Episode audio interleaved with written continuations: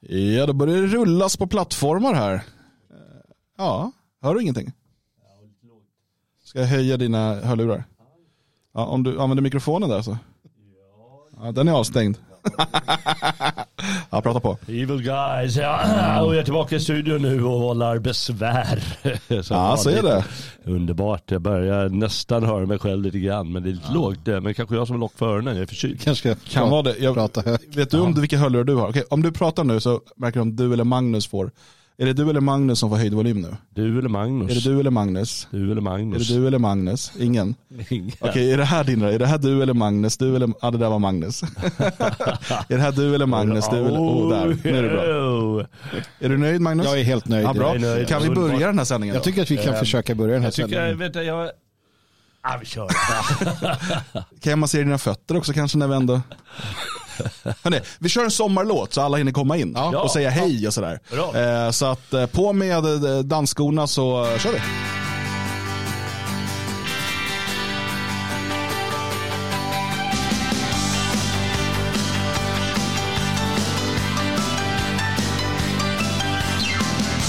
Tar vad som finns, en tung kavaj och blåa jeans. Och packar sen med resten. Jag åker bort, men inte långt. Jag åker kort. Mot salta bad och solsemester. Följ med mig Säg ja, inte nej Här kommer jag, nu börjar festen det blir en sommar i Sverige igen. Ja, en sommar i Sverige igen. Sol, vind och hav En tid att koppla av. Det är sommar i Sverige för mig. Vill ha en sommar i Sverige med dig.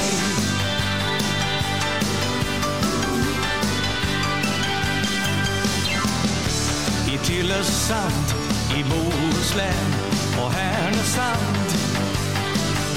Ja, var som helst längs kusten. En iskall öl, en grillad bit och solblekt hår. En naken rygg som väcker lusten. Kärleken får liv om igen. Och värmer sen långt in på hösten. Det blir en sommar i Sverige igen. Ja, en sommar i Sverige igen.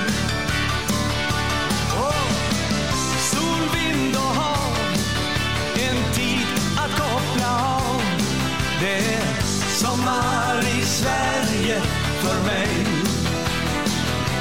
Vill ha en sommar i Sverige med dig.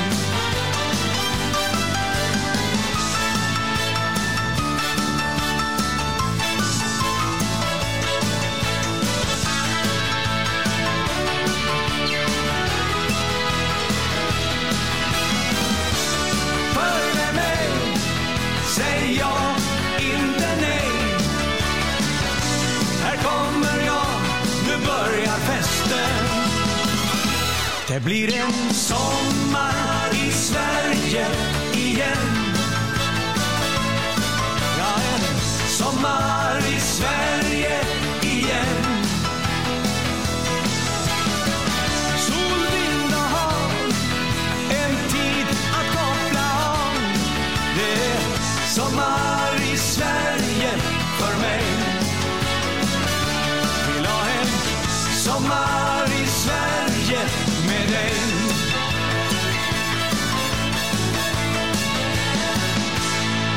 Sommar i Sverige ja, men sommar med Svegot blir det bara om vi kör introt.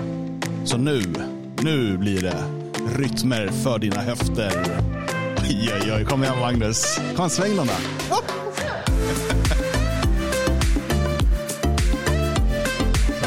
dansar under bordet. Där svänger det.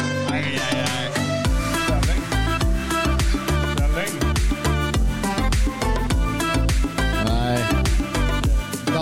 Danstillståndet behövs ju tyvärr inte längre. Glad sommar svenskar och välkomna till Sommar med Svegot. Det tredje avsnittet av den andra sommarsäsongen.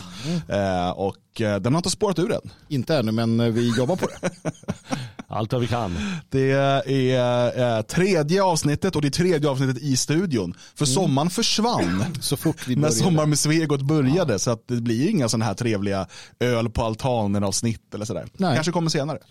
Men Eh, eh, vi får se. det går bra i alla fall. Ja. Och nu är ju eh, Jalle tillbaka. Hur gick det nu? Har du fått bort allt? Ja, jag solar bort aidsen. All aids är borta. Ja, all aids är borta. Apkopporna då? Det är ingenting, det är inga, börjar inte komma blämmor Nej, men- någonstans nej, det har på jag kroppen? på med. Nej, nej. nej. Inga apkoppor. Inga Bara aids. Och Mm. den är helt borta. Det är bra. Jag lovar. Jag kan komma lite närmare det om du vill. Ja, ja absolut, det Ja. gör inget. Jag är aids, eh, aids eh, Immun. immun. Ja, just det. Så mycket aids har passerat denna kropp. Du gick i din ungdom ru- runt och tog små, små doser av aids. av folk. Precis. Jag, jag och Jonas Gardell. Ehm, Nej, fy fan vad äckligt. Här började vi på ett lågvattenmärke. Det gör du verkligen och det kommer bli värre. Eh, vi, eh, ni i chatten, varmt välkomna. Kul att se eh, både nya och gamla namn eh, där. Vi ska ju prata bland annat om den här boken idag. Töreboda terroristen, eller vi ska läsa ur den. Ja, just det. Just det. Eh, jag tror att författaren är med i chatten. det vore ju helt fantastiskt. Får, att- jag, tror att, jag tror jag vet vem det är också, men, men hon kan ju ge sig till känna om hon vill. Jaha, Författarinnan hon- oj, skulle jag vilja be. Vi Eh, spana efter tjejnamnen här. Ja. Undrar om det är... Det kan vara det. Eller... eh, eh, alltså, det här är då Töreboda terroristen extra alt edition. Härligt. Eller hur snett det kan gå, eller. Ja, är det eh, möjligtvis uh, några gnuggisar i? Alltså extra allt tänker jag. Gnuggisar Ja, man, vill, eller... precis, man vill ju ha en sån här poster i Man mitten vill- när man öppnar. man, man vill känna doften av Töreboda. Nej, Men vadå? Nej, det vill man inte. Man vill Okej, inte det. Warrior Magazine har gett sig till eh, känna. Eh, jag vill inte hänga ut folk i onödan, men nu, nu, nu har hon gett sig Inte i själv känna. onödan, det- bara i nödan. Ja, i nödan. När jag är nödig, då hänger jag ut folk. Eh, och den kommer vi läsa ur om en stund. Men först, kära vänner, Så mycket jag vill säga. det finns så många saker jag vill säga. Ja. Eh, och jag ska försöka hålla tillbaka. Och jag kan redan nu säga att det här inte kommer vara ett avsnitt för barn. Nej. Nej, det är sällan. Det är sällan vi har det. Ja, Vi har det. ja. För att nu vill jag prata Bra. sex. Hurra, äntligen. Ja. Det är ju Vad- lite utav ett... Vad tycker ni om expert. sexualkunskap i skolan? Är det inte nödvändigt? Eh, Nej, det är inte nödvändigt.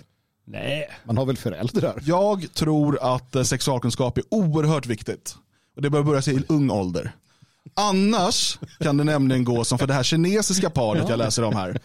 Eh, som alltså då, clueless couple struggle to get pregnant for four years are told by doctor the wife is still a virgin because they were having anal sex. Ja, alltså jag säger inte att så här, jag säger att sexualkunskap kan vara en bra idé. Men kanske inte från eh, Pornhub. Men det är alltså en kinesisk man, 26, hans fru 24. De har ju fyra år försökt. Jag tror, jag hon tror blir inte det- gravid. Jag trodde först att de har varit på, på Kentucky Fried Chicken som hela tiden försökt den vägen. Men jag, jag funderar på om- om det här är inte det här är delvis urbaniseringens fel. Man ser inte djur ligga längre och då förstår man inte vad man ska göra med de här grejerna. Jag menar, du, växer, du bor i någon podd i stan och tittar dig själv i spegeln och bara vad fan liksom. Stefan skriver i chatten här, killen visste nog fan men sa inget. Ja. Ja, det är ju väldigt underligt det här. Väldigt underligt. Ja, det är väldigt underligt. Ja, men det finns väl ändå någon sorts... eh, Naturlig ja, liksom bara drift. någon eller? instinkt. Ja, det är också det, men det funkar väl inte på kineser. Nej, men det kan ju vara det. Alltså, det här med, men är det så, för att kineserna, vi vet ju, precis som med ögonen så har de ju, de har ju liksom på sned hår. Då, som i samen, att Ah. fittan är på tvären. Precis. Ursäkta, men så är det. Nej, men det är missuppfattat. Det är, alltså, det, är ju, det är ju undervisningen det är fel på. Det är ju den kinesiska ettbarnspolitiken där. De har, de har kört, kör bara i tvåan så mycket som möjligt. Ja, ja, det- ibland råkar hamna fel och då blir det ett barn. Men alla kör stenhårt så det är kinesiska propagandan här.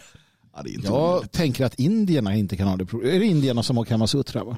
Ja. De har ju inte det här problemet. De har problem med annat. Men det är inte alla Ja, indier men som... nu, nu, nu har jag faktiskt läst Kamasutra och eh, läste kollat lite alla- på bilderna. Ja, ja, och jag tyckte ändå det var ganska lite med de där sakerna utan det var mest konstiga Jo, men det är ju det. Alltså, varför tror du folk håller på med yoga? Det, det, det, De letar det är så här, efter. ja, men jag håller på med yoga. Så här. Ja, ja, just det. Ja, ja. Ja, men nu ska jag, älskling, nu ska jag på yogaklubb. Alltså, de, de, det, de inser, det är ju bara swingersparty hela skiten. Va? Men vill man veta mer om japansk eh, sexkonst, nu är det kinesiskt, då, då kan man ju gå och titta i din bokhylla. Speciellt den sektionen som ligger vid min arbetsplats. Vad- Vad är det för sektion? Där Jalle Horns erotiska meter. Ah, okej. eh, eh, Är det det hans fru kallar den? Ja, det, ja, Janne Myrdal hade nämligen i sitt bibliotek, så här, för han går runt och visar sitt bibliotek på tv. Och så kommer man så, ja, där är Per Engdahl och, och där har vi all erotik. Det här är min erotiska bokhylla. Och så här. Och alla, alla bör ha en erotisk meter åtminstone uh, utav litteratur. Och du har definitivt det. Och där finns det bland annat den här japanska, eh, om, om sex i japansk eh, konst. Varför, varför, varför på. har du inte den här? Jag kan gå och hämta Gå och den. hämta den då.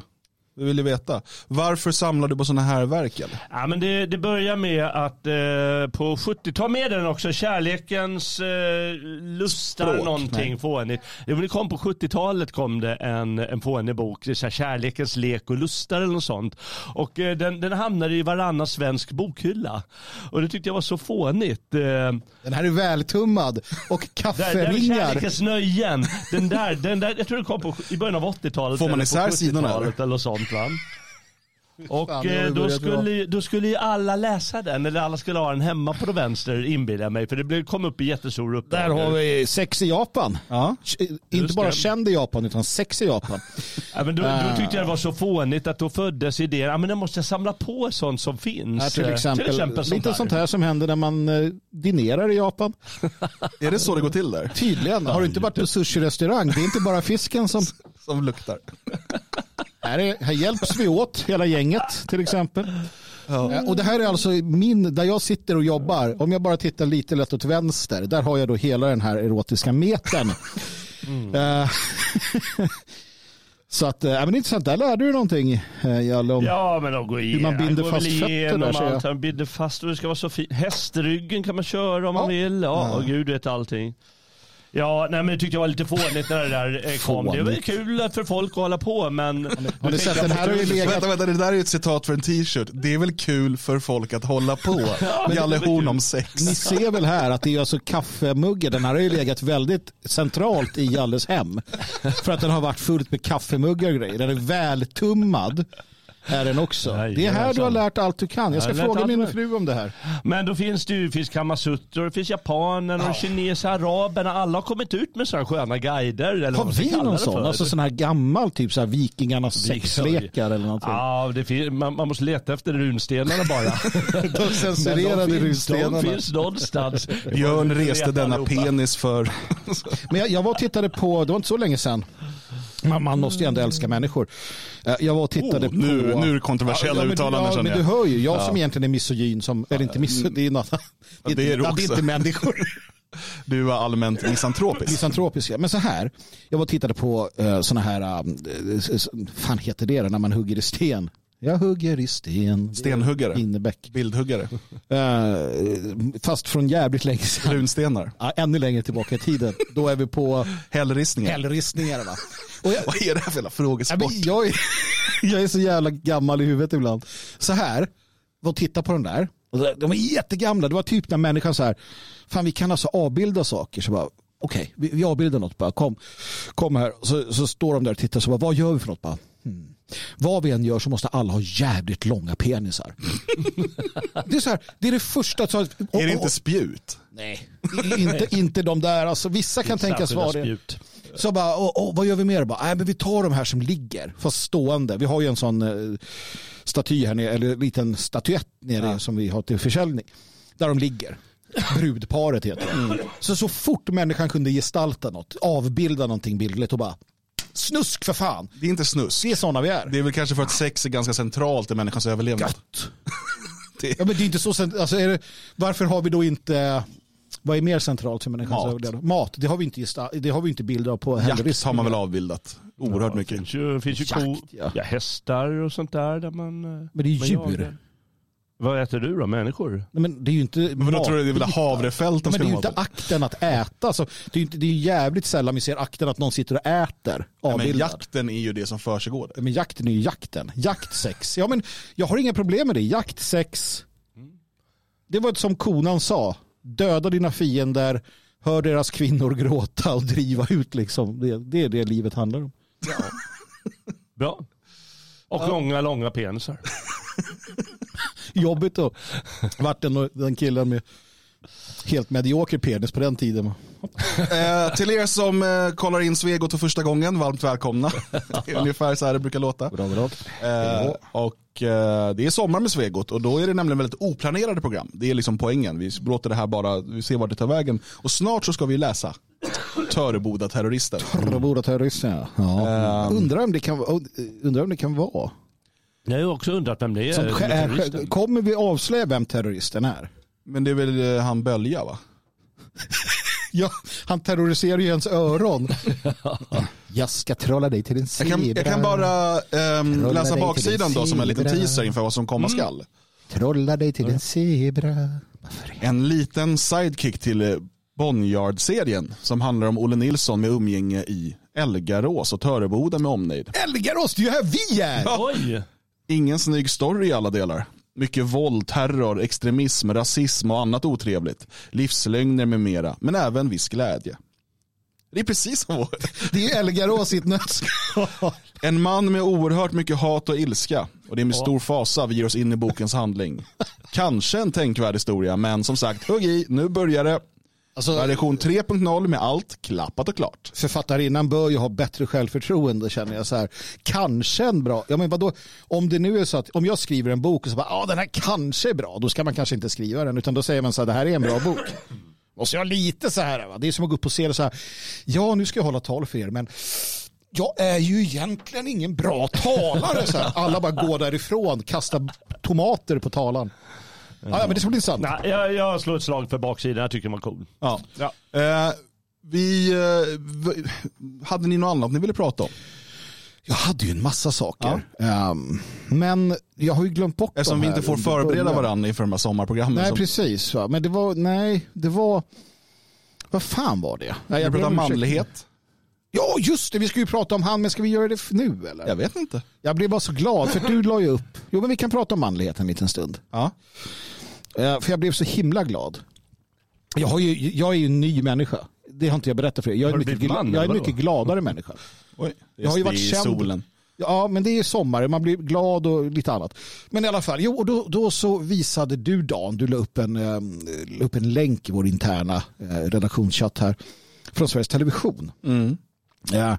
Och du sa, du skrev så här, det här fan vad kul. Du blev glad också uppenbarligen. Över att en eh, man har blivit skadad. Ja, precis. Det, det var det du blev upp, upp, uppsluppen av. Jag blev mer glad över den här människan och hur han då resonerar och, och tänker och, och pratar. Och jag kände så här, fan, här har vi det. Ja. Det här, det är en man. Jag har haft en hel del med min son att prata om manlighet på senare tid. Och, och hur man ska tänka och hur man ska Han är ju träna, verkligen i den åldern ska- där det där börjar funderas Ja, på ja visst. Ja, han är ju 13. Va? Ja, och då har det varit mycket så här, han, så här, han tittar ju jättemycket på internet och tittar på YouTube och sådär och det är alla möjliga. Han liksom kommer fråga om Andrew Tate, han kommer fråga om någon bodybuilder här och det var det och det och det. Eh, och vi pratar om olika sådana här saker. Va? Och nu kan jag nästan i princip visa honom, det här är vad det handlar om. Inte Andrew Tate, inte liksom den här eh, bodybuilden man nu hette som gick på något gym eh, och, visade hur man skulle göra ditten och datten och alla de här människorna som är influencers. Utan här, här har du en man eh, i allt väsentligt. Alltså, det jag tycker är, för att när jag såg det här klippet så, skickade, så delade jag det med er. Eh, och det är så här, egentligen, jag visste ingenting om den här personen. Vad han tror på, var han står politiskt och så vidare. Och det är egentligen helt irrelevant för kontexten. Eh, eh, man kan, eh, och alltså egentligen också, det är hur han resonerar som är det intressanta. Inte egentligen ens vad den här konflikten handlar Nej, nej, nej, om. det är oväsentligt. Eh, Eller vad han står politiskt. Nu vet jag inte vad det är, jag kollade in hans Facebook-sida och verkar vara en ganska vanlig svensk kille liksom. Eh, som, som kör traktor och dricker öl och ja, du vet. Eh, men han har alltså då blivit eh, ganska allvarligt skadad. Eh, han är frivillig i Ukraina. Mm. Och eh, i SVTs intervju, jag tänkte vi tar andra halvan av den. Eh, för det är någonting han säger här som jag tycker, jag blir så glad av att det, att det finns män som resonerar på det här viset fortfarande. Nu är det musik också, det ska vi inte ha. En papaya coconut. Han fick splitterskador i knäna, i axlarna. Hjälmen flög av och en stock ramlade ner i huvudet. Den allvarligaste skadan jag har just nu är väl eh, det krossade skallbenet. Eh, som sagt var, jag har en fontanelle. Armen är väl det som ser värst ut och det är väl egentligen det som är minst allvarligt. Det är en skottskada, benet är brutet i, i, i armen, eh, det är fixerat. Blir du återställd eller får du några men? Nej, de beräknar att jag ska bli 100% igen. Så vad händer nu? Eh, Min förhoppning är att jag kan ta sjukledigt och åka hem till familjen en stund. Eh, träffa barn och eh, anhöriga. Det låter som om du tänker återvända. Jag kommer att återvända. Jag har fortfarande år kvar på mitt kontrakt. Jag har gett mitt ord. Den självklara frågan, vad säger familjen? Eh, delar av den kommer nog bli eh, heligt förbannade på mig. Eh, andra delar räknar nog iskallt med att jag gör det. Kanske en dum fråga då, men eh, din uppoffring är värd det här. Jag åkte hit för att mina barn inte ska behöva göra det här om 20 år. Det är fortfarande aktuellt. Det är ingen större fara. Det, det gör ont en stund och sen, sen går det över. Du fyller år snart. Det är bara några dagar dit. Ja, förhoppningsvis är hemma till dess. Och där har vi det. Alltså just det resonemanget. Jag gör det här för att mina barn inte ska behöva göra det om 20 år. Och det är så män som frivilligt har gett sig ut i strid alltid har resonerat. Det är så män som har, eh, och kvinnor för den delen, som har slitit på gården från liksom morgon till kväll eh, med liksom, och levt i stort sett på eh, liksom det som blir överblivet efter att allt är sålt. Eh, för att våra barn ska inte behöva göra det här. Vi ska göra det lite bättre för dem. Och återigen, det är, det är egentligen, jag vill inte gå in liksom i en politisk diskussion om, om huruvida han har någon rätt i sin analys av vad som kommer hända om 20 år. Det tycker jag är irrelevant, för det här pratar om inställningen som man. Han är övertygad om någonting. Han är beredd att uppenbarligen med fara för sitt liv frivilligt ansluta sig för att han är övertygad om att det är det bästa han kan göra för sina barn.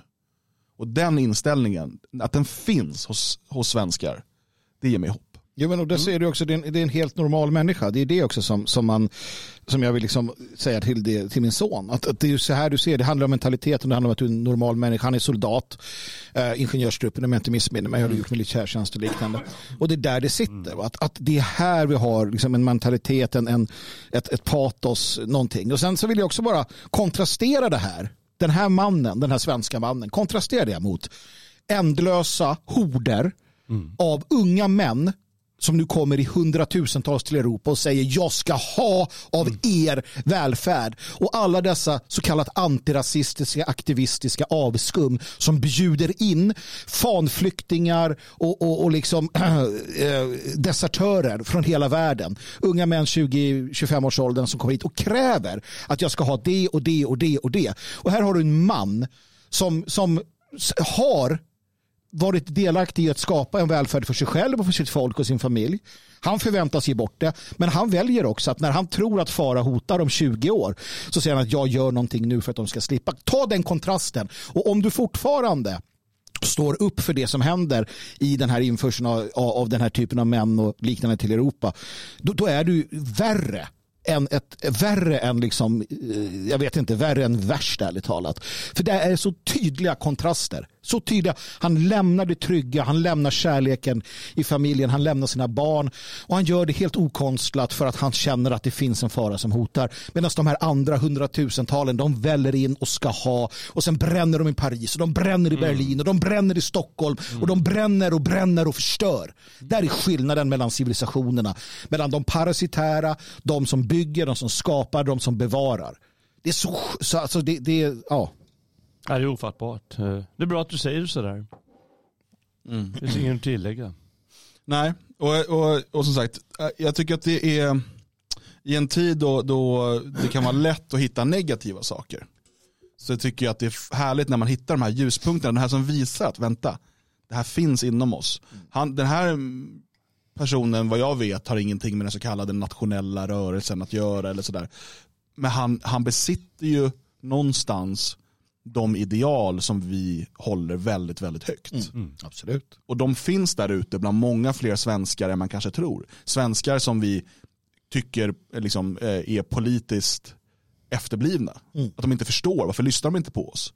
Men det slumrar inom dem, det där, eh, det där ursvenska, urgermanska idealet. Det finns där. Och, och ibland kan det krävas olika saker som får det att vakna inom dem. För honom kanske det var eh, kriget i Ukraina och såg eh, bilderna kanske från Bachmut och kände att det här får inte komma hit. Ehm, och för det andra är det att se det som sker nu i, i Frankrike. Och så att det, är det som får att tända gnistan hos dem. Men det finns där slumrande inom väldigt många svenskar. Nej, absolut. Och sen då den här mer personliga. Att, att, att man kan, alltså för, för, att få, för att få ens barn att förstå vad, vad är det som förväntas av en man. Vad är en man? Ja, det är inte så jävla svårt egentligen. Eh, Även om det kan vara svårt på sitt sätt. Men jag menar, här har du ju det. Soldaten, mannen som är beredd att, att liksom offra sitt liv om så krävs. Eh, det är inget, det är inget liksom det, är inget, det är inte någon, någon, någon fasad eller du behöver inte ha någon attityd eller eh, hela den biten utan du behöver bara ha det här. Jag menar, han, den här mannen skiljer sig på alla sätt och vis från så många manliga män som, som liksom eh, inte tar det ansvaret som tillkommer dem. Och, och här ser man ju bara det. Och det.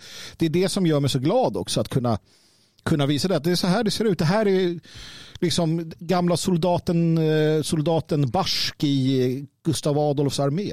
Det här är liksom sergeanten som låg eh, inkallad under eh, beredskapsåren. Det här är en helt vanlig svensk man som bara vet vad som behöver göras och är beredd att göra det. Så det, det gläder mig. Mm. Mm. Eh, och de här eh, ljusglimtarna, de här inspirationskällorna, de är viktiga att ta med sig. Eh, och, och hela tiden ha med sig. Ja, så är det. Ska vi läsa bok? Det kan vi Ja, göra. men det måste vi göra. Vi har väntat med spänning här. Vi har alltså- Är. Töreboda terroristen. Ja, vi kommer ju bara läsa ur kapitel 1 idag. Mm. Ja, då. Det här är ju en följetong. Fantastiskt ändå. Jag, jag, jag misstänker att det finns en del våld och sånt i den här. Jag bara tänker att det är fantastiskt att i, i Sverige så har vi, vi har möjligheten att fantisera om våld och elände i våra små orter. Medan i andra delar av Sverige och Europa så finns det våld. Men det ursäktas. Medan det våld som inte finns, det pekas ut mot folk. Medan det våld som finns ursäktas i många fall. Det finns ju också böcker som, som beskriver ett helt fiktionellt, ett helt fiktionellt, säger man så? Fiktionellt? Ett helt Fiktivt. Fiktivt våld. Mm. Eh, precis som den här antar jag då. Ja. Eh, för det här är inte en dokumentär va? Nej, någon om det inte handlar om den här äh, brevbombaren i Töreboda, Nej, det, det tror jag spänningsroman skrev författaren själv. Ja, ja. Eh, men det finns ju alltså böcker av den här karaktären, som till exempel Turners dagböcker, Mm. Ja, som är förbjudna i många länder. just Till det. exempel i Tyskland. Ja. Det är alltså förbjudet att eh, sälja och att inneha mer än ett exemplar utav Turners dagböcker. Som du kan köpa på logik.se, för den är inte förbjuden i Sverige Nej, än. just det. Än. Eh, så passa på att köpa ditt, eh, ditt ex. Det finns ett paket också tror jag. Turners dagböcker och Jägaren, eh, alltså Andrew McDonalds båda böcker. Just det. Och Andrew McDonald är alltså då ett eh, pseudonym för, William Pierce. just det. Den gode doktorn. Ehm, Så är det ju. Så. Ja. Men du, innan vi läser boken. Jag ska hålla på så här nu hela tiden. Jag, jag är som den här, eh, den här kinesiska mannen. Jag liksom bara stoppar in den i fel hål hela tiden. Just det. Jag tänker mer som en rysk docka. Att så fort vi har öppnat den så kommer en ny dan och hoppar ut. Ja, men jag vill ändå, nu när vi ändå nämner Tyskland så vill jag ta upp det som pågår nu i dagarna. Ja. Ehm, idag bör, börjar ju nämligen Ehm, förhandlingarna mot eh, Die Heimat, alltså eh, för detta MPD. På danieriksson.com så har jag översatt eh, pressmeddelandet ifrån partiet eh, där man då eh, förklarar att man inte kommer delta under förhandlingarna. Och eh, det, det som de här förhandlingarna handlar om, man kallar det här inofficiellt för kleine förbotsförfaran, alltså det lilla förbudsförfarandet eller sådär. Eh, Man försökte ju förbjuda partiet 2017 men lyckades inte eftersom man menade att de inte var ett hot mot konstitutionen. De var inte stora nog. Nej, precis. De kunde, de kunde, ja, det? precis. Ja. Eh, och eh, i samband med detta så eh, började jag prata om, kan vi inte bara stoppa dem från att få ta del av offentligt stöd? Alltså partibidrag. Och det är ju så att NPD sitter invalda, eller Die Heimat, de sitter ju invalda i väldigt många, eller ganska många eh, motsvarande typ kommunfullmäktige. Och för det eh, och för en del andra regler som finns i Tyskland så får de eh, några miljoner om året i partibidrag. Såklart ingenting mot vad de stora partierna får, men det är lite grann så att de kan ha någon sekreterare anställd på, ehm, på huvudkvarteret, de kan ha någon eh, som understödjer de kom, eh, styr, kommunfullmäktige ledamöterna och så vidare. Så som alla partier har för att de ska kunna hinna med. Eh, Som att, typ att sitta i eh, kommunfullmäktige det är ett ideellt uppdrag. Men ett parti då kan ju samordna lite resurser och se till att man kan understödja dem. och sådär. Eh, och, och då kom det då, ja, men då måste vi stoppa dem från att ta del av det offentliga stödet. Och sen hörde man inget mer om det här. Och bara några dagar efter att man Eh, går ut med att man byter namn. Nu ska vi bli till Heimat och vi byter lite inriktning och vi liksom, allt det här vi har pratat om. Då tar man upp det igen. Nu är det dags för förhandling. Nu ska det här utredas eh, och det ska tas beslut. Um, och man har ju då svarat på allting, alla frågor och sånt skriftligt via sin um, ad, eh, advokat ehm, Peter Richter. Det är kul att han heter Peter Domare. Och att eh, chefredaktören för deras tidning Deutsche Stimme, han heter Peter Schreiber. Peter Skrivare. Alltså det är, det är som Kalanka i Tyskland. Liksom. Man kan inte hitta på sånt här. De bara heter så, det är så himla kul. Eh, Men så de har svarat på allting. Eh, Men de har nu gått ut med att vi kommer inte vara på plats. Vi kommer inte delta i den här farsen för att det här är en skådeprocess. Domen är redan skriven. Vi tänker inte legitimera det här. Eh, och det man skriver då bland annat i det här pressmeddelandet eh, det är ju då vilka som sitter i, eh, i den här domstolen. Det är då den mångåriga CDU-politikern och tidigare premiärministern i Saarland, Peter Müller, som redan för 18 år sedan krävde att eh, Die Heimat skulle stängas ute från statlig finansiering. Han sa också då att deras idéer var motbjudande. Eh, och eh, sen har vi då även då eh, Stefan Harbart. Ehm, det var han som introducerade förslaget att utesluta dem från statlig finansiering. Eh, han var då CDU-parlamentariker, alltså kristdemokrat, men nu så är han då president för den federala författningsdomstolen. Eh, och då skriver, då skriver de, kan man här fortfarande räkna med en rättvis rättegång undrar man ju. Eh, man har Mark Brandstetter, han är alltså redaktör för, den, för En station rechts, alltså den högra slut, slutstationen för högern eller sådär. Eh, och han har då kallats in som sakkunnig tredje part. Det är som typ Daniel Pohl. Ja, men det är som att ta in Expo som sakkunnig tredje part. Eh, man har även då, ehm, ska säga, men det är inte allt. Eftersom de inte såg någon laglig möjlighet att förbjuda oss 2017 dikterade den dåvarande ordföranden för den federala författningsdomstolen Andreas Voskuhle till partierna att de helt enkelt kunde ändra grundlagen för att beröva antikonstitutionella partier statlig finansiering.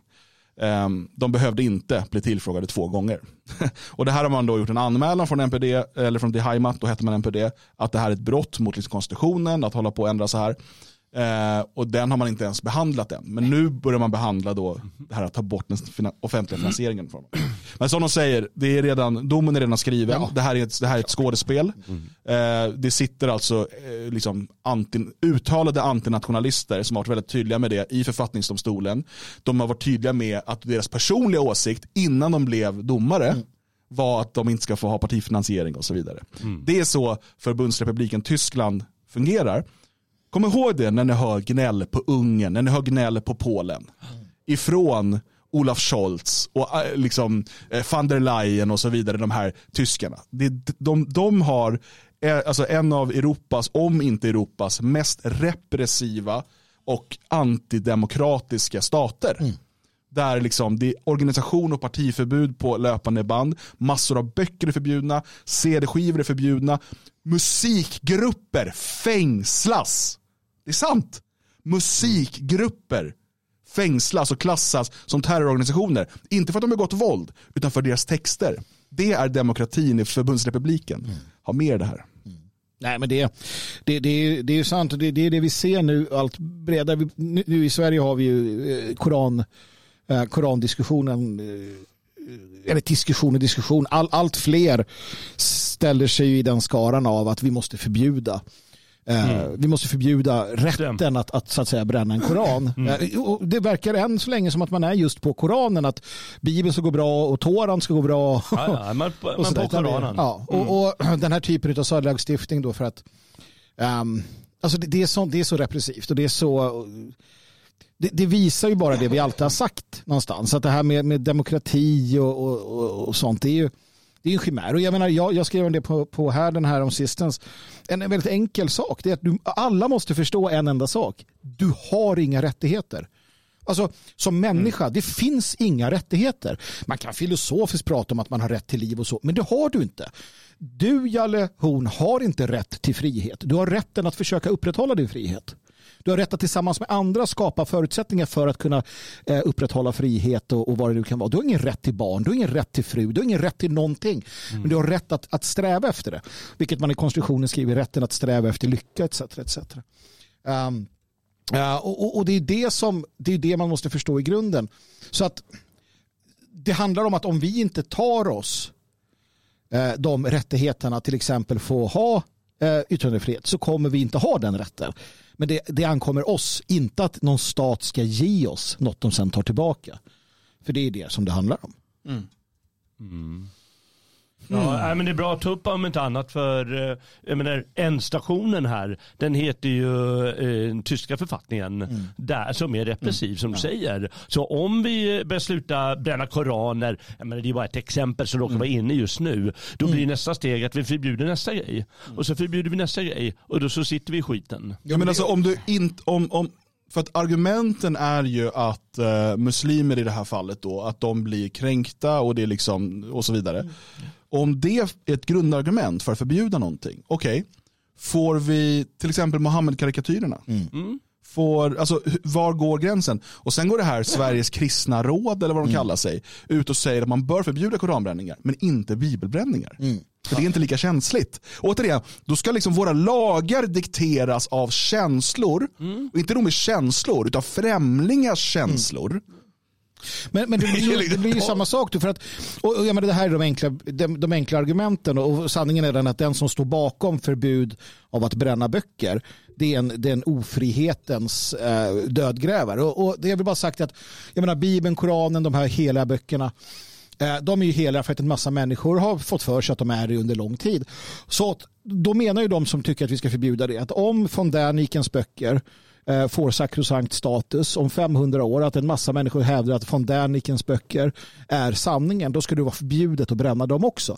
För att det är den status där, vi får acceptera det faktum. Jag förstår att kristna kan tycka att eh, Bibeln är helig, men den är inte helig för andra, så att då får man väl bara tro på sin Guds förmåga att upprätthålla budskapet också i en, i en yttrandefrihet. Inte bara det, utan eh, man bör ju här också ha med sig att det vi ser är en av de första, för det här kommer pågå ett tag, eh, ordentliga krascherna i en mångkultur. Ja.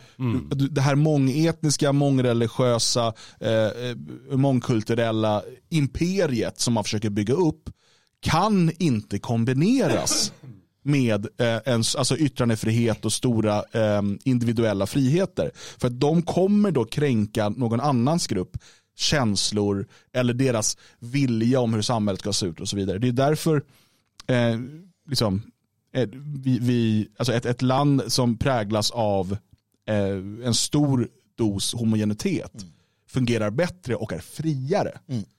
Det, det är, ehm, Jag vet inte om ni såg, eh, det, var ett, det har cirkulerat på, jag tror inte jag delade med er, det cirkulerade på Twitter, jag såg det förbigående bara i morse.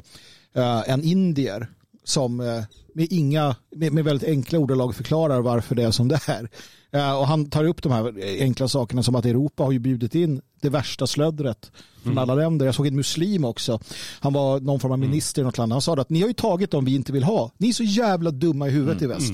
Ni har tagit allt slödder från våra länder och bara bjudit in dem och ger dem allting. Men det var ju som när vi Jättebra var på middag med vår, vår vän från eh, Syrien och Libanon där. Ja. Ehm, och, och han ehm, som är då politiker i, i, i Libanons parlament sitter han nu. Mm. eh, för eh, syriska nationalistpartiet. Ehm, och han sa det att de som har kommit hit, det finns flyktingar Mm. och så finns det terrorister. Eh, alltså, och med terrorister menar han dels ehm, liksom IS och så vidare, men han menar ju också de som liksom flyr sin plikt i Syrien. Eh, de ser han som, som terrorister. Ehm, och han sa att det är, liksom, de- det är mycket de sämsta. Och han, de vill ju ha tillbaka Mm.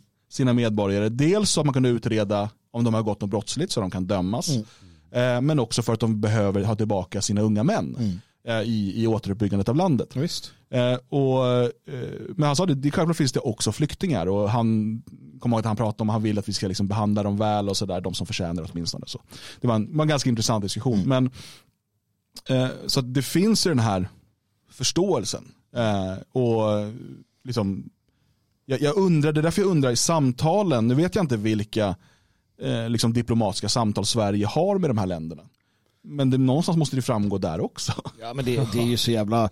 Man undrar ju som sagt, jag menar, bara ta det här, de här eh, IOK eller vad de hette, samar- samarbetsorganisationen 57 länder som Ja, kräver... internationella olympiska kommittén. Ja, nej, IK då. Jag vet, muslimska inte Ja, ja, någonting.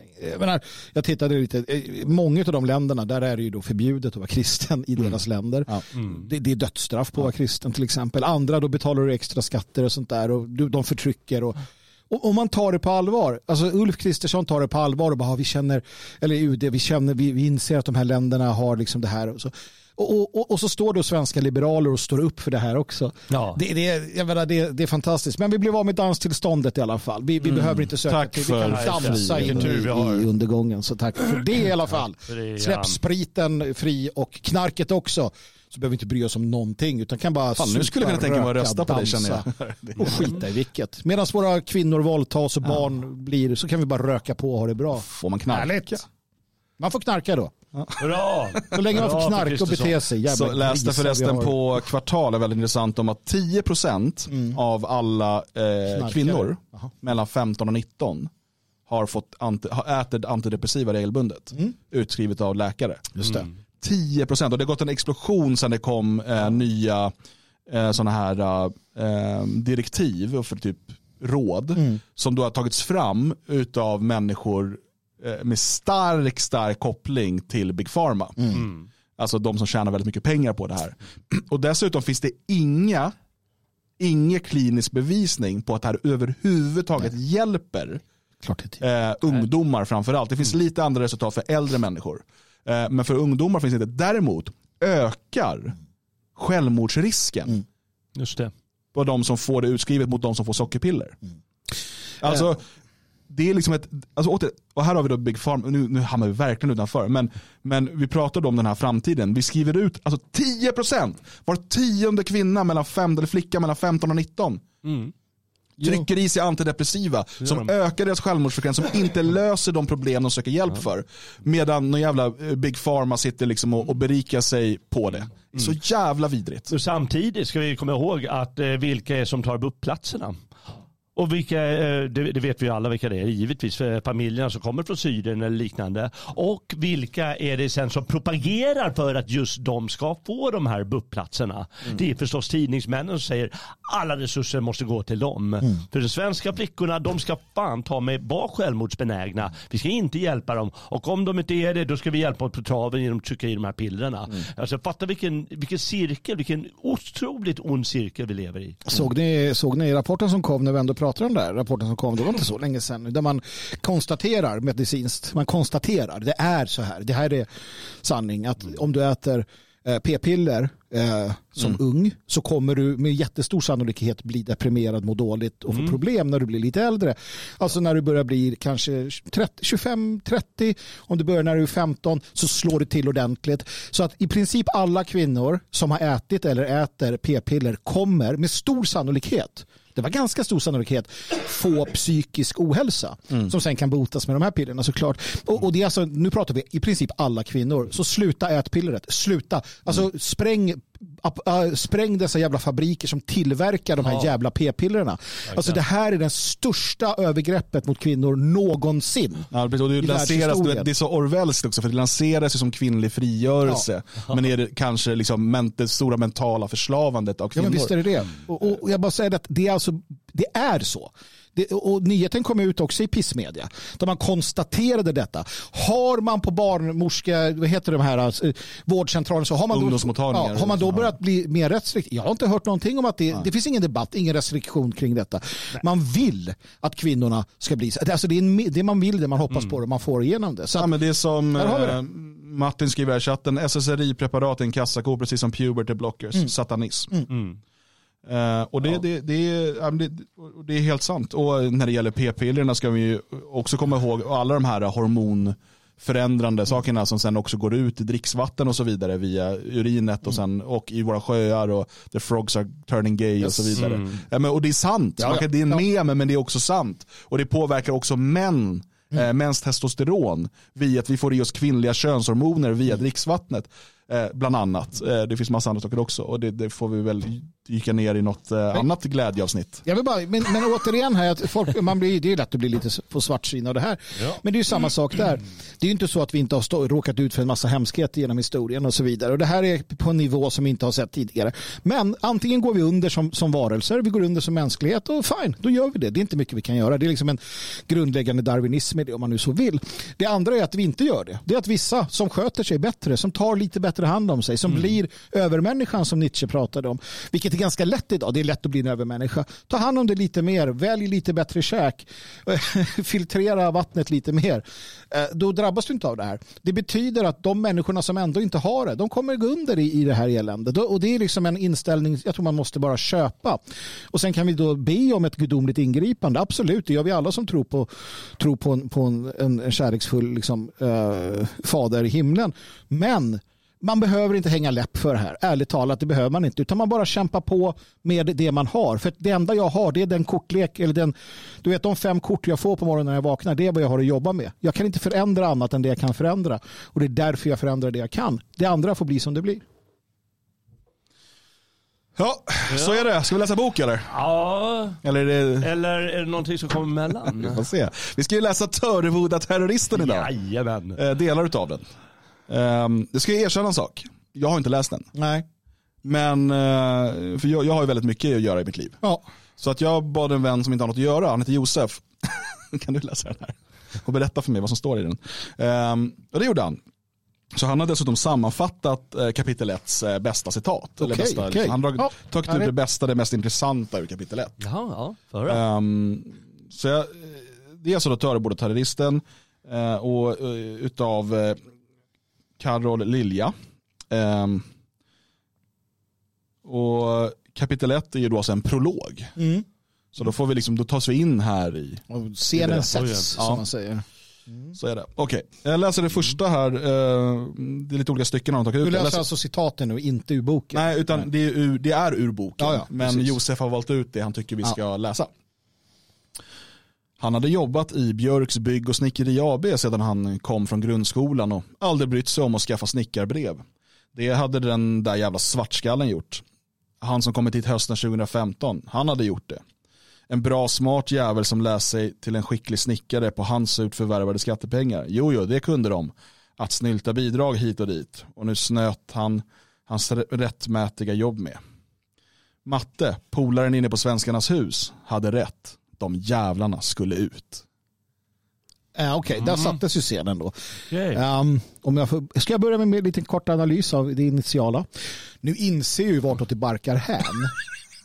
här, det det är härligt för att författarinnan här har ju då tagit den kanske eh, mest eh, använda liksom, eh, analysen av nationella och utav alltså våra motståndares syn på invandrare. Ja. Det vill säga att nationella är efterblivna, misslyckade, har inte gjort någonting.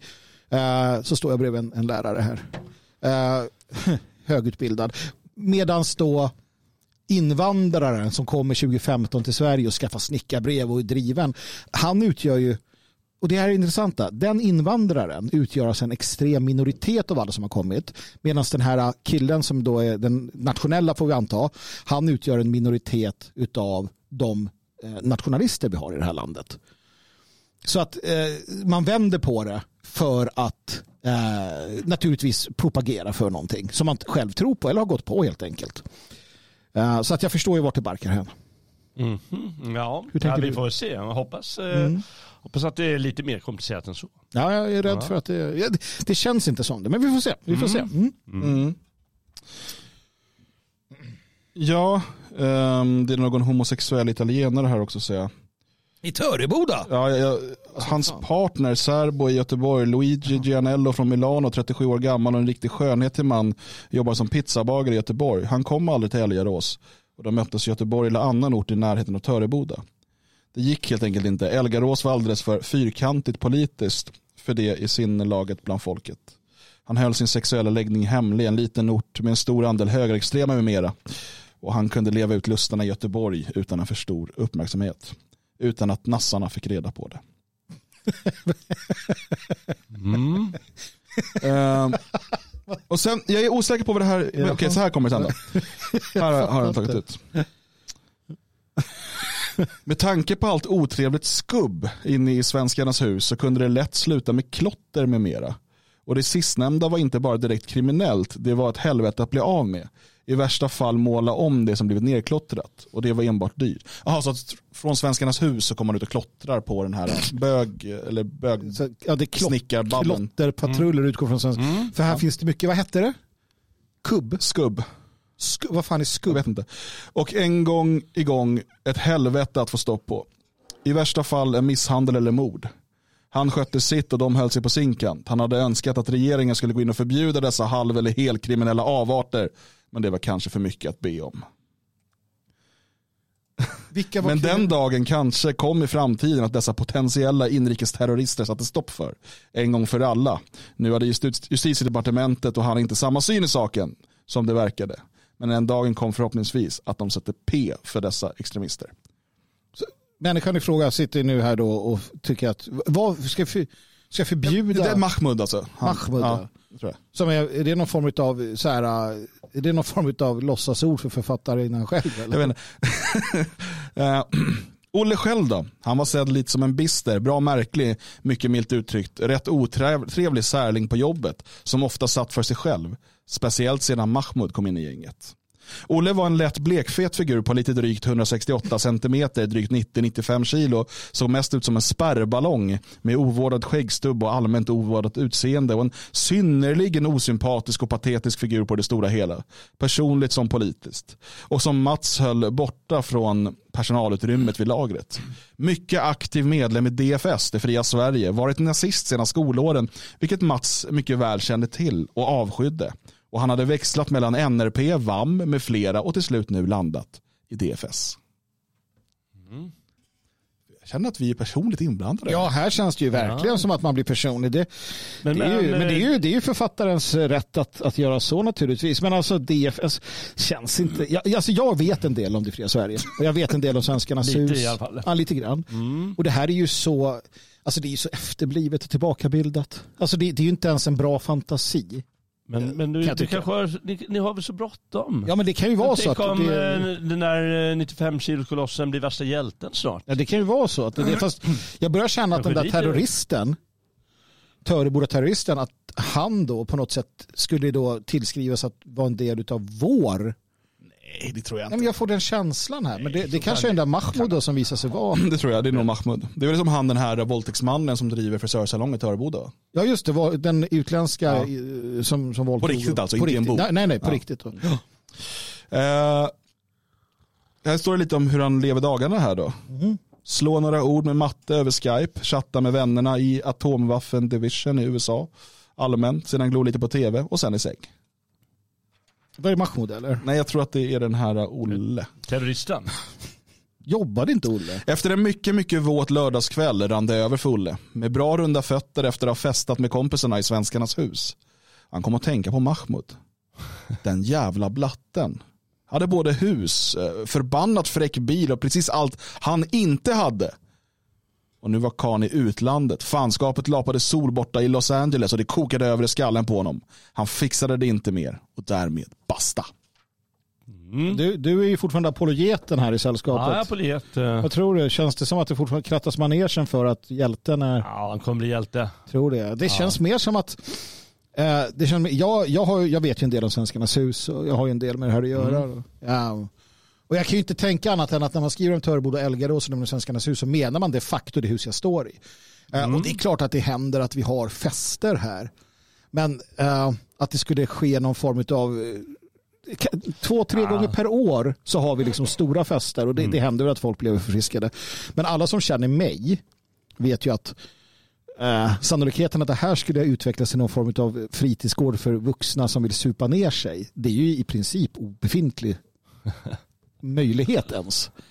Sen de vuxna, de vuxna rekorderliga herrar och damer som ofta bevistar oss är ju de facto eh, inte sådana. Samma natt drog han bort till Mats hus några hundra meter hemifrån i det riktigt fina villaområdet. Såg sig om, slog in rutan på Mustangen och in med den öppna bensindunken och stannade på. Det verkar vara Mats han är på nu. Jag vet inte. Varför ska han ge sig på Mats? Vad har Mats gjort? Mats såg naturligtvis vad som pågick och ringde polisen samtidigt som brottet videofilmades. Mats svor och undrade vad i helvete Olle höll på med.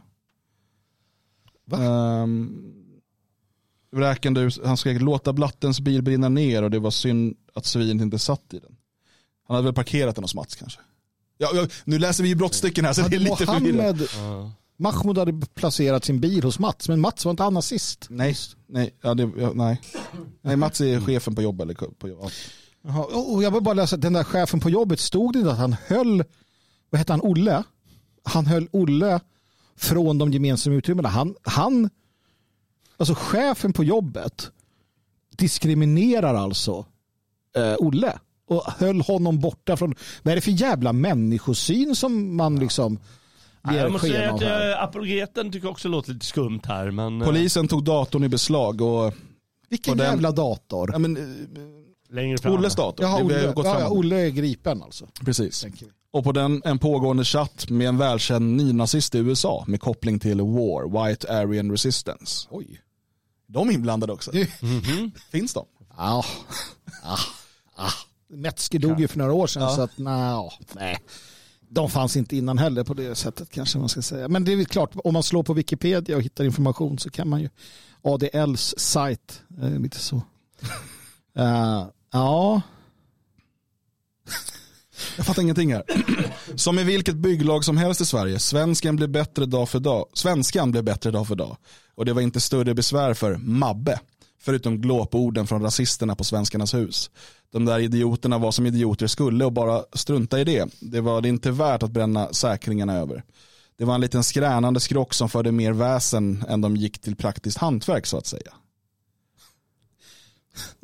ja. Jag, jag känner bara att jag får mer vatten på min kvarn att man har den, den här Mabbe nu, han är inne i gänget och jag vet inte, alltså, Sen blir det känslomässigt.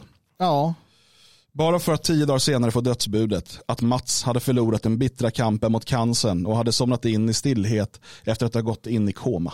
Är Mats som en, död? Ja, som en sista obstinat markering mot rasisterna i Svenskarnas hus så var begravningen i synagogan i Göteborg. Det var alltså som en grej. Och då ringde Mats familj till, till synagogan och bara tjena vi har en antinazist och de bara ja det är klart. Honom tar vi. Ja, alltså judarna är jävligt kinkiga på det här. Du, är du inte jude så kommer du inte begravas där. Man kanske var jude. Alltså det måste vi hoppa, annars, kom, annars är det orimligt. Ja, det är helt Allt annat har orimligt. varit ganska realistiskt hittills. Ja, jo precis. Men så Mats var alltså någon form av Elgaråsbo som var så här riktig jävla anti. Coolt. När de kartlade nätverket var bilden den att Svenskarnas hus, DFS samt NMR var centrala spindlar i nätet och ett specifikt antal individer kunde namnges. Liksom kopplingar till War och Atomwaffen Division i USA som några av de internationella aktörerna. Oj, oj, oj, oj, oj, oj, oj. Det är nästan, det är nästan eh, Jan Guillou här. Och det, det säger du inte med Intresseklubben vänliga- skriver i chatten att vi borde nej. utesluta Olle. Han verkar vara Ja, problemmakare. Olle, du, Olle, Olle, dig vill vi inte ha va? Ja, men eh, nej, vilken konstig, vad konstigt det här var. Alltså jättekonstigt. Ja. Och det är så kul också att det blandas in saker man då själv är, är, är, är man själv är liksom en del utav. Ja, och pekas ut då så, Mm. så, så otrevligt liksom. Ja. Ja, fast det är en fiktiv bok. Ja, ja, det är klart att det är en fiktiv Det- och det är inget ovanligt att placera den i Nej. en riktig Nej, nej. Och, och, värld. så det är bara att man blir själv, eftersom man själv tillhör den riktiga världen. Den är bara inte så realistisk. Nej, nej precis. Nej, men Olle, jag, Olle, Olle, nej, den, den andra, vad han nu hette, han som canceroffret, han var heljude det ju här. Alltså, han var det. Ja. Men då var det ju inte en markering. Då var det ju bara självklart att han, att han begravdes i synagogan. Ja just det. Ja. För han är ju jude. Så att där Han följer det i alla kanske fall. skyltar det liksom, stä- stå- ställa upp stora skyltar att Alltså, eh, ja, han titta. begravs sig i synagogan. Gå ut och kolla om det står en där ute, en sån Det- skylt. Ja, det kanske är. Ska jag berätta hur man hade kunnat skriva en spänningsroman? Ja, Och ändå liksom med eh, eh, udden riktad mot oss. jag skriver, låt AI.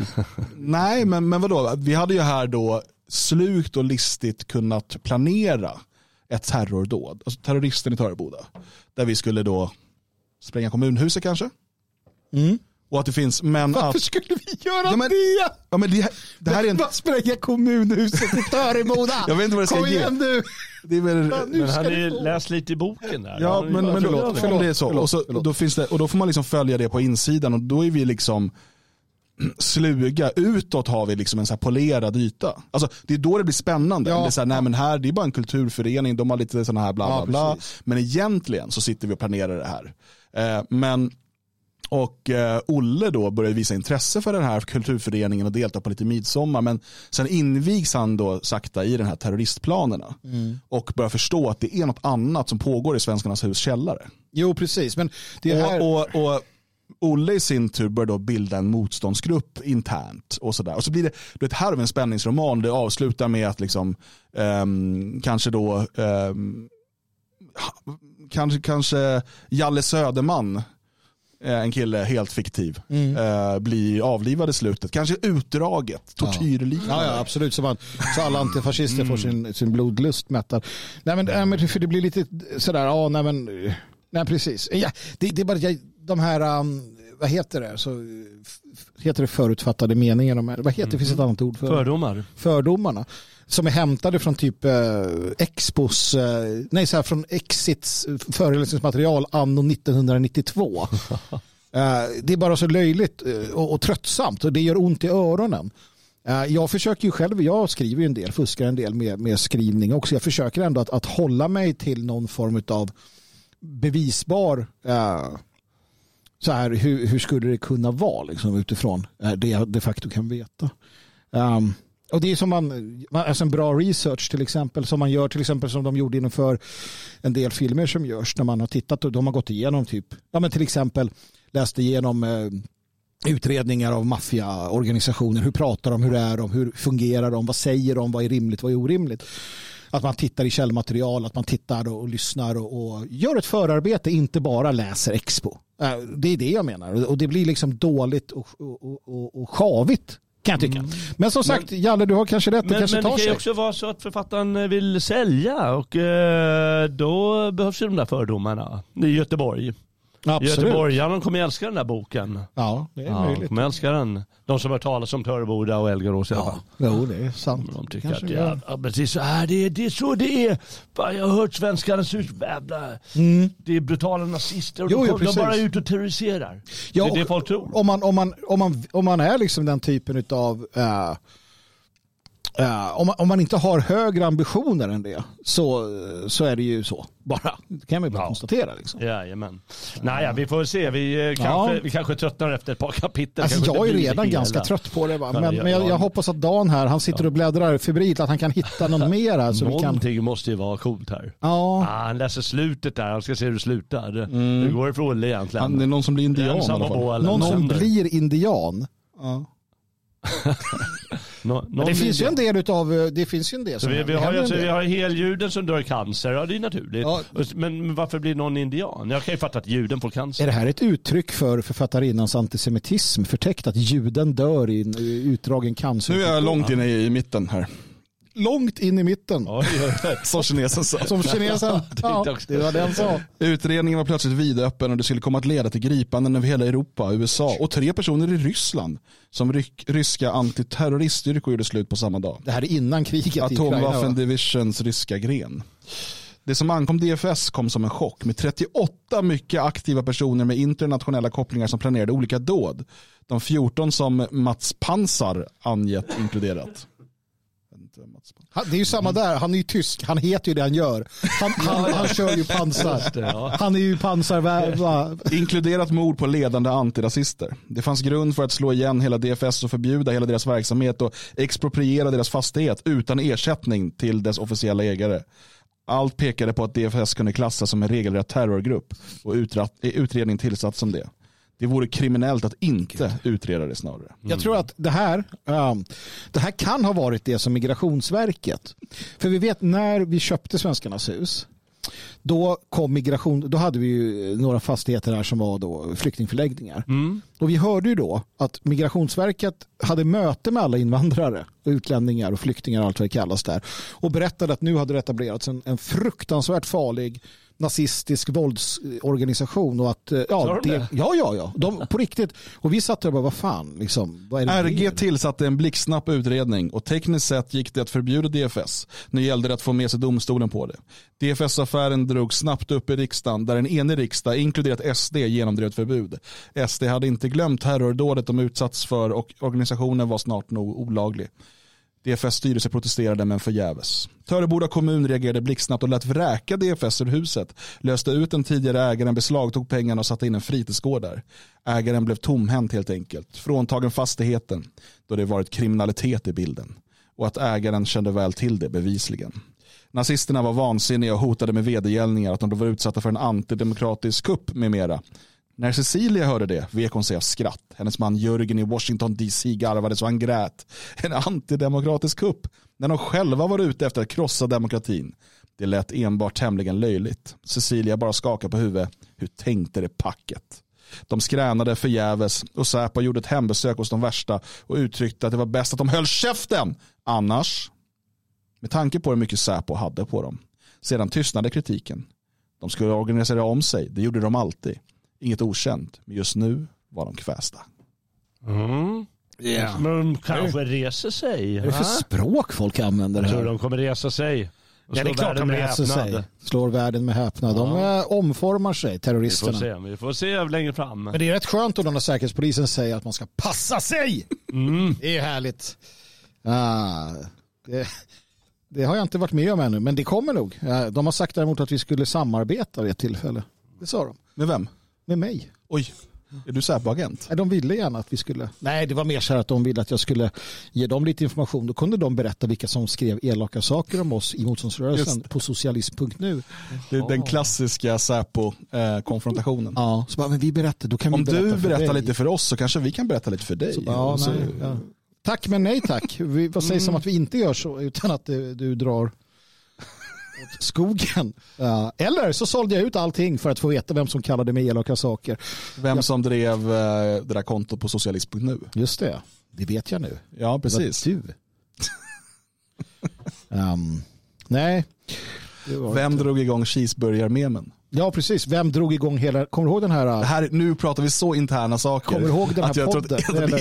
Är det någon i chatten som har en aning om vad vi pratar om nu? Den här eh, bloggen som dök upp. Ja, Eh, vad hette den? Inte socialism utan a, bara avhopparbloggen. ja den hette um, Svinstian. Svinstian hette den. Men vi vet ju vem som drev den. Vi vet vem som drev den. Och det var Mattias Våg. Det var Mattias Våg och han, Han skrev och, och skrev alla elaka saker om oss. Och låtsades vara en före detta nationell. Ja. Precis som att han och andra som han drev ju massa så här flashback-konton Ja. som, alltså Ja. som under lång tid Ja, ja, har år. etablerat sig som så här nationella röster. För att sen kunna liksom sprida osanningar och liksom så sprit. Det, det är väldigt, eh, eh, det är därför, och det här är ja, du vet vem det är. Men det här är problemet med, jag är inte emot att folk ska kunna vara anonyma och jag tycker att inte alla människor ska vara offentliga. Nej, Eh, Men problemet med anonymitet på nätet, eh, när ingen vet vem som står bakom, är att du aldrig kan värdera informationen. Nej.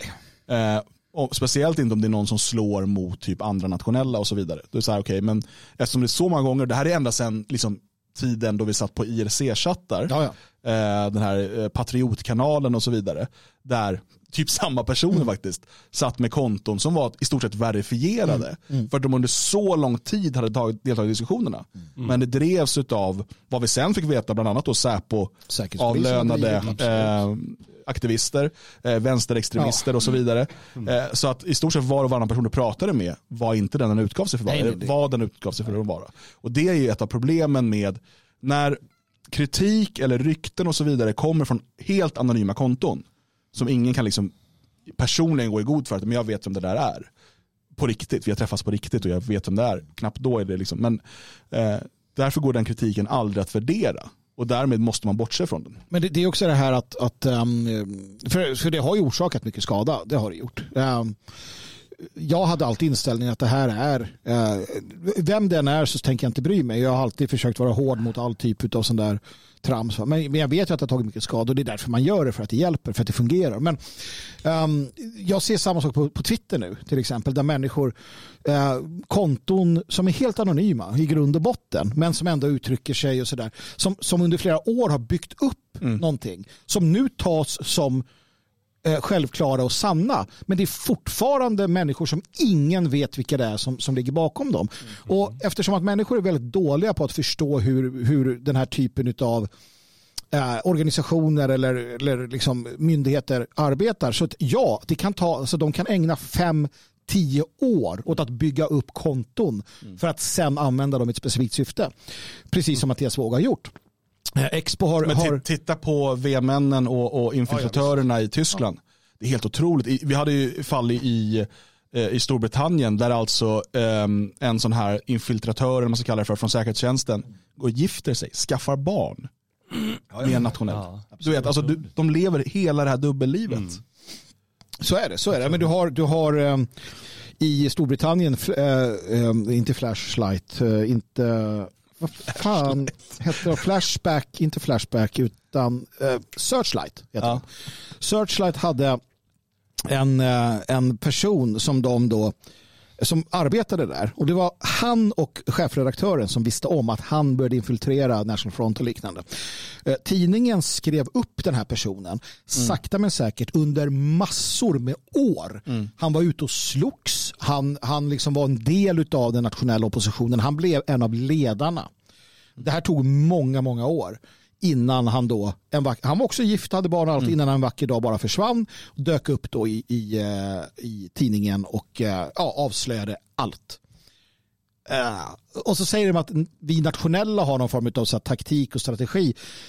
S- Skillnaden är att vi bygger något, vi vill skapa något, vi vill, vi vill, vi vill liksom, ja, jobba framåt. Det de gör det är att de vill bryta ner och här är den stora skillnaden. Jag vet att, att eh, Eh, Expo har haft ögonen på mig. De har, alltså deras register över mig är nog i paritet med Säkerhetspolisen. Kanske till och med tidigare för att de visste kanske tidigare vilka vi var som var ute som skinnskallar. Men säkert från 14-15 år så finns jag med i deras register, deras doserer. De vet allt vad jag vet ju, eh, vissa av deras medarbetare har ju haft en fäbless för att eh, supa med nationella. Så är det. Och kanske pratar lite för mycket. Ibland. Jag tror också att de nationella som söp kanske också pratar lite för mycket. Antagligen. Så att det var väl ett ge och tagande där liksom. Men där får man ju liksom, fick man ju li- lite insyn i eh, hur faktiskt ex, extensiva de här registren är. Ja, ja, visst. Eh, så att eh, sup inte med Expo, det är mitt Nej, absolut inte. Och som sagt, alltså, det, det här med anonym eller inte. Jag, jag håller med dig, eh, Dan Eriksson. Nu vet jag inte exakt vad du sa. Men jag menar ju att, alltså, att, att vara lite anonym. ehm, det, alltså det spelar ingen roll. Det, det ni ska göra det är att ni kan vara hur anonyma ni vill. Men eh, man ska stödja de personer som inte är det. De som är bra företrädare för det man tror på. Och det finns ett antal, oss tre här inräknade, som är ganska öppna och tydliga. Hela, liksom, hela, hela schabraket behöver inte vara med namn och adress och personnummer. Utan det går alldeles utmärkt att bara vara sig själv och, och liksom vara anonym så sätt. Eh, men återigen, då, ta inte på allvar någonting som kommer från någon du inte vet vem det är. Och det, gäller dem, det, spelar ingen roll om Twitterkontot har en miljon följare. Ehm, det, det gör det faktiskt inte. Eh, och det där är väldigt viktigt att komma ihåg. Hur hamnar vi här? Ja, jag vet inte. Det är det sommarprogrammen! På- Vi bara hamnar på ställen. Ja, ja men visst. Alltså, det är så vi ska arbeta. Får vi se var vi hamnar här eh, framöver. För det blir ju eh, en sändning till i veckan är ju sagt. Mm, Får vi se. Precis. I tanken. Problemet är att jag kommer vara på resande fot hela fredagen. Ja. Jaha, måste vara på torsdag då. Så då får vi nog köra på torsdag Kör om jag ska vara med. i sådana fall. Det tycker jag kan vara trevligt. Eller ska vi köra i eftermiddag? Ja, men vi kanske gör det på torsdag. För sen är jag ju, eh, jag kommer ju befinna mig på Europaresa här. Eh, Europa, ja. Det är att ta i. Det är ju i Europa. Ja. ja. Och i två, till två länder i Europa som vi ska eh, besöka eh, på väg. Men, men eh, jag tänker ju då att jag, Nej, Norpan. Nej, nej, nej, nej, nej. Eh, känn din fiende. Nej, man känner inte sin fiende så. nej, eh, men, men eh, Ursäkta då. ja, så att då kommer jag ju vara med, jag kommer vara med ändå. Jag kommer ha med mig en liten Ja, kamera och ja. mikrofon och sådär. Ja. Eh, men eh, då får ju väl Magnus eller Jalle ratta tekniken helt enkelt. Ja. Ja, vi rattar. Och jag kan säga redan nu då att de sändningarna